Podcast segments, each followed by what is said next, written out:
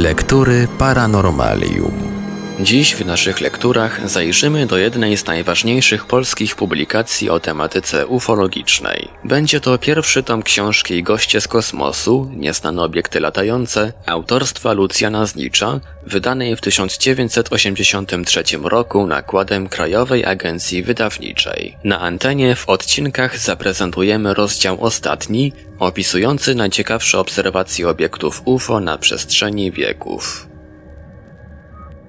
A może w omawianych latach 1783-1897 obserwacje niezwykłych obiektów na niebie dotyczyły gwiazd, planet czy meteorów? Nawet dziś jeszcze, mimo milowych wręcz postępów astronomii, częstokroć planety, szczególnie Wenus lub Jowisz, a także różnego rodzaju meteory, czyli tak zwane spadające gwiazdy, czy mniej lub bardziej niezwykłe meteoryty, choćby słynny bolid, który przeleciał nad Polską 20 sierpnia 1979 roku, brane są często za nieznane obiekty latające. O ileż bardziej tajemniczo wyglądały wszystkie te zjawiska świetlne na niebie wiek czy dwa wieki temu. Przecież właśnie dopiero w tym okresie, w roku 1781, astronom Herschel kataloguje pierwszych 800 gwiazd podwójnych. Dopiero 44 lata później, w roku 1825, ukazuje się opracowany przez Bessela katalog zawierający po raz pierwszy 32 tysiące gwiazd,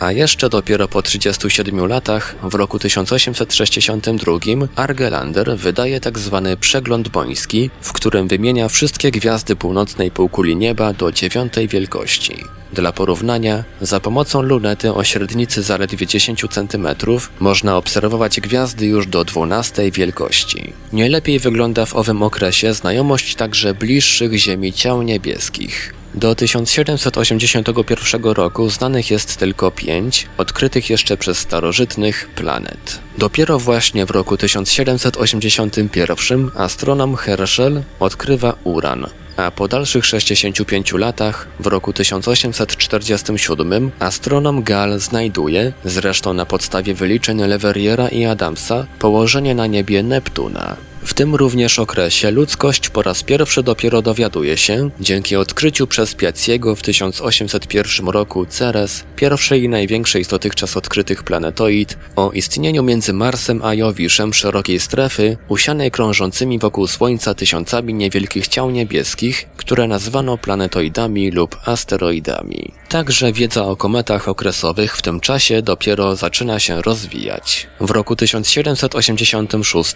odkryta zostaje pierwsza z nich Enke, potem przychodzi kolejna Olbers w 1815, Bielę w 1826, Pons Winnecke w 1858, Tempel II w 1873, Wolf I w 1884, Niebieskozery zwracam uwagę właśnie na komety okresowe.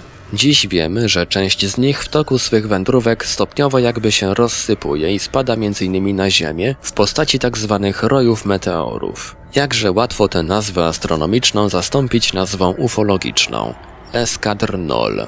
Rok w rok, więc 3 stycznia widoczne są przelatujące po niebie całe ogniste formacje butydów, w okolicach 25 marca fale hydraidów, od marca do maja eskadry wirginidów, w drugiej połowie kwietnia falangi lirydów, w trzech pierwszych dekadach maja i na przełomie lipca i sierpnia zespoły akwarydów, koło połowy czerwca związki taktyczne skorpionidów i sagitarydów, w pierwszej połowie sierpnia roje perseidów, w pierwszej połowie października klucze Orionidów, w pierwszej połowie listopada skrzydła Taurydów i Leonidów i wreszcie w pierwszej połowie grudnia szyki Geminidów. Wreszcie również i wiedza o spadających na Ziemię meteorytach dopiero zaczynała się rodzić. I cóż z tego, że już chyba od wieku raz po raz pojawiały się wieści, że z nieba spadają odłamki skał czy nawet bryły żelaza. Ważne były nie świadectwa przypadkowych osób, tylko twierdzenia naukowców, że to jest niemożliwe. Cóż z tego, że w końcu nawet niektórzy z naukowców przekonali się do nowej prawdy. Daremnie uczony francuski Gazendi, astronom angielski Halley czy członek Petersburskiej Akademii Nauk Pallas co kilkadziesiąt lat stwierdzali niezależnie od siebie niebieskie pochodzenie meteorytów. Świat uczonych, w którego ówczesnym paradygmacie pojęcie takie nie potrafiło się zmieścić, zamiast obiektywnie ocenić całą sprawę, wolę uznać te poszczególne głosy własnych już reprezentantów za pomyłki, halucynacje lub oszustwa. Daremnie wreszcie w 1795 roku czeski myśliciel i muzyk Chladni opublikował pracę niezbicie wręcz uzasadniającą niebieskie pochodzenie meteorytów. Skoro nie można odrzucić faktów, odrzucono przynajmniej pracę, jako napisaną nie przez naukowca.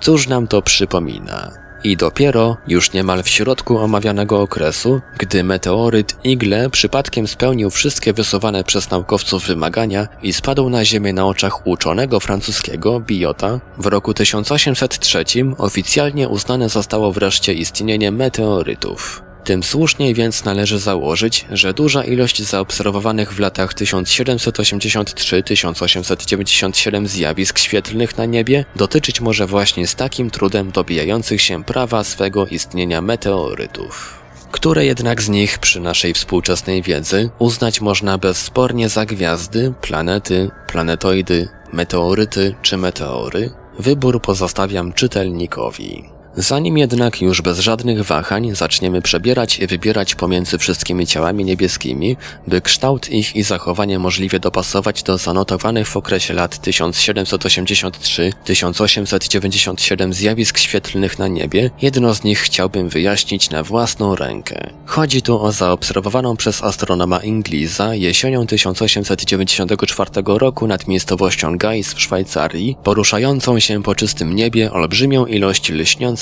obiektów. Choć Charles Ford z całą powagą rejestruje tę obserwację jako jedną z niewyjaśnionych zagadek, już tylko bliższa charakterystyka obiektów przez uczonego świadka, jak się wydaje, całkowicie ją wyjaśnia. Część z nich, podaje bowiem dalej Inglis, otoczona była świetlistą aureolą, część zaś miała skrzydła. Nie był to więc ani rój meteorów, ani eskadra Nol. Najbardziej prawdopodobne wydaje się zwykłe stado lecących do ciepłych krajów, krótko po zachodzie słońca, ptaków.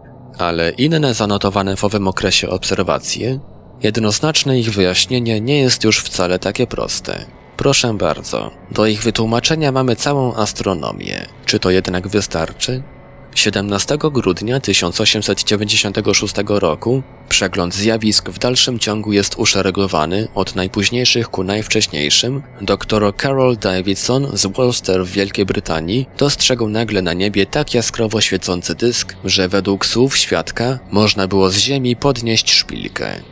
Rok przedtem dostrzeżono po raz pierwszy w maju, a następnie profesor Bernard zaobserwował w sierpniu jakiś świetlisty punkt, który pojawił się w pobliżu Wenus. W tymże sierpniu zresztą inny świadek, tym razem dr Murray z Oxfordu, dostrzegł przed domem jaśniejszą od Wenus tarczę, która odleciała na wschód, a następnie podobny efekt zaobserwowano także w Scarborough w hrabstwie York. Cofnijmy się jeszcze jeden rok. W styczniu 1894 roku mieszkańcy miejscowości Lantoma w Walii, a także miast Hereford, Worcester i Shropshire byli świadkami jak na niebie rozbłysła nagle jasna tarcza, oświetliła całą okolicę i wreszcie wybuchła. W sierpniu tegoż roku admirał O'Mani doniósł o pojawieniu się nad północną Walią jasnego dysku, z którego wydobywał się płomień. We wrześniu 1891 roku zaobserwowano w Irlandii Północnej przelatujący obiekt przypominający z kształtu kometę. Taki sam zresztą obiekt zauważył także rok przedtem w październiku 1890 roku w Grahamson w Afryce Południowej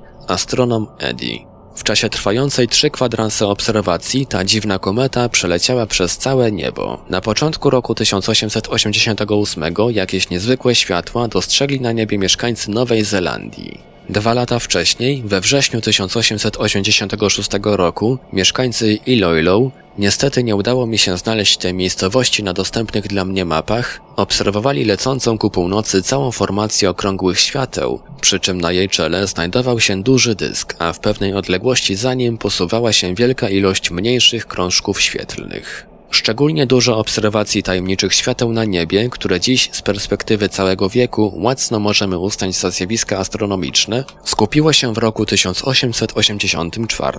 I tak w lutym astronomowie z Brukseli przez dziewięć kolejnych nocy obserwowali niezwykłej jasności punkt, który błyszczał bądź tuż obok Wenus, bądź nawet na samym tle jej tarczy. Również w tym miesiącu kapitan brytyjskiego statku Innerwich doniósł o pojawieniu się nad jednostką olbrzymiej masy ognistej, która na moment oślepiła go swoim światłem, a następnie ogłuszającym hukiem spadła do morza, wywołując olbrzymią falę. Wreszcie w sierpniu tegoż roku dostrzeżono z kolei także nad Saigonem, obecne Ho Chi Minh w Wietnamie, olbrzymią błyszczącą tarczę, która po 8 minutach lotu po niebie skryła się w końcu za chmurami. 29 sierpnia 1883 roku kapitan Noble, płynący angielskim statkiem przez Atlantyk, stwierdził, iż przeleciał nad nim ognisty obiekt przypominający kometę.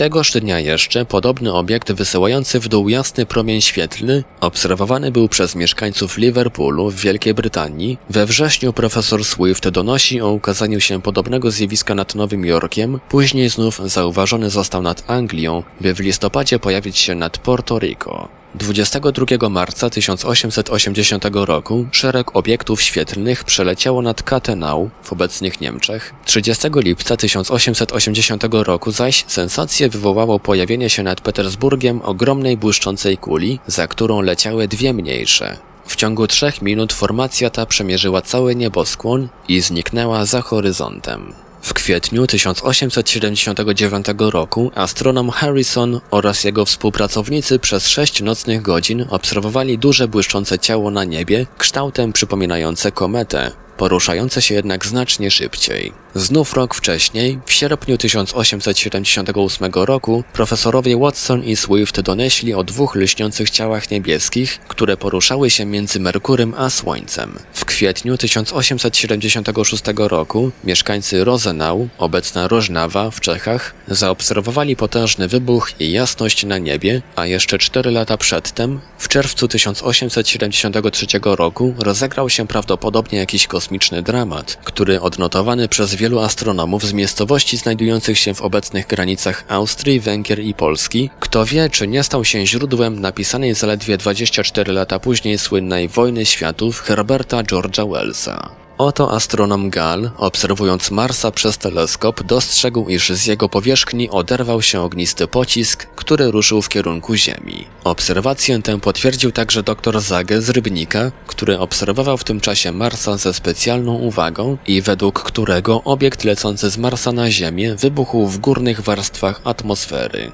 W 1868 roku aż dwukrotnie dostrzeżono jakieś niezwykłe zjawiska świetlne w pobliżu Wenus. Po raz pierwszy zdarzyło się to 15 marca, kiedy plama świetlna opuściła Wenus. Po raz drugi zaś ponownej obserwacji dokonał w kwietniu astronom Webb. Dwa lata wcześniej, w listopadzie 1866 roku, choć pewne źródła mówią, że chodzi tu o rok 1865, dostrzeżono czerwoną błyszczącą tarczę na niebie nad miastem Cartagina w Kolumbii, przy czym obserwacja ta musiała być na tyle szokująca, że oficjalną informację o niej przekazał na dwór angielski konsul Wielkiej Brytanii w tym kraju. W roku 1864 w marcu obserwowano nieznane obiekty dużych rozmiarów na niebie południowej Anglii, a w październiku zaś niejaki Lewemer twierdził, iż widział lecący pojazd w kształcie cygara. 27 kwietnia 1863 roku astronom dr Wolf, obserwujący niebo nad Zurichem, dostrzegł nadlatującą od wschodu liczną flotylę świetlistych tarcz. Niektóre z nich podobne były do gwiazd, inne ciągnęły za sobą ogniste ogony. Nawiasem mówiąc, należy chyba podkreślić, że ze względu na sposób i prędkość lotu, dr Wolf wykluczył, by mogły to być meteory. Cztery lata wcześniej, we wrześniu 1859 roku, astronom angielski Richard Carrington z obserwatorium w Red Hill zauważył na niebie dwa świetliste ciała, przy czym również stwierdził, że nie były to meteory. W roku 1845 w marcu przeleciały nad Londynem, w maju zaś nad Neapolem dziwne lśniące dyski. Nad Londynem miały one kolor pomarańczowy i otoczone były czterema gwiazdami, nad Neapolem zaś, zgodnie z zeznaniem obserwującego zjawisko astronoma Capocciego, niektóre ze świateł miały kształt gwiazd, inne zaś miały ognisty ogon. W grudniu wreszcie tegoż roku z miejscowości Kyoksiu w Chinach dostrzeżono jakieś ogniste plamy przelatujące nad morzem. W październiku 1844 roku astronom Galischer doniósł o zaobserwowaniu błyszczącego dysku, który wyrzucał z siebie kaskady światła. W roku 1831 dr Wartman i pozostali pracownicy Obserwatorium Astronomicznego w Genewie od września aż do listopada niemal co noc dostrzegali przelatujące po niebie tajemnicze lśniące obiekty. W maju 1823 roku wymieniany już astronom Webb dostrzegł w pobliżu Wenus nieznany obiekt świetlny. W październiku 1822 roku tym razem już dwa nieznane obiekty świetlne na niebie dostrzegł astronom Pastorf. I wreszcie w lipcu 1813 roku mieszkańcy miast Tottenham i Middlesex w Wielkiej Brytanii zaobserwowali nocą świetliste błyski na niebie. Wystarczy? Nie. Jeszcze nie. Był to fragment książki Lucjana Znicza Goście z kosmosu, Nieznane obiekty latające, tom pierwszy. Dalszy ciąg w kolejnym odcinku Lektur Paranormalium. Lektury Paranormalium.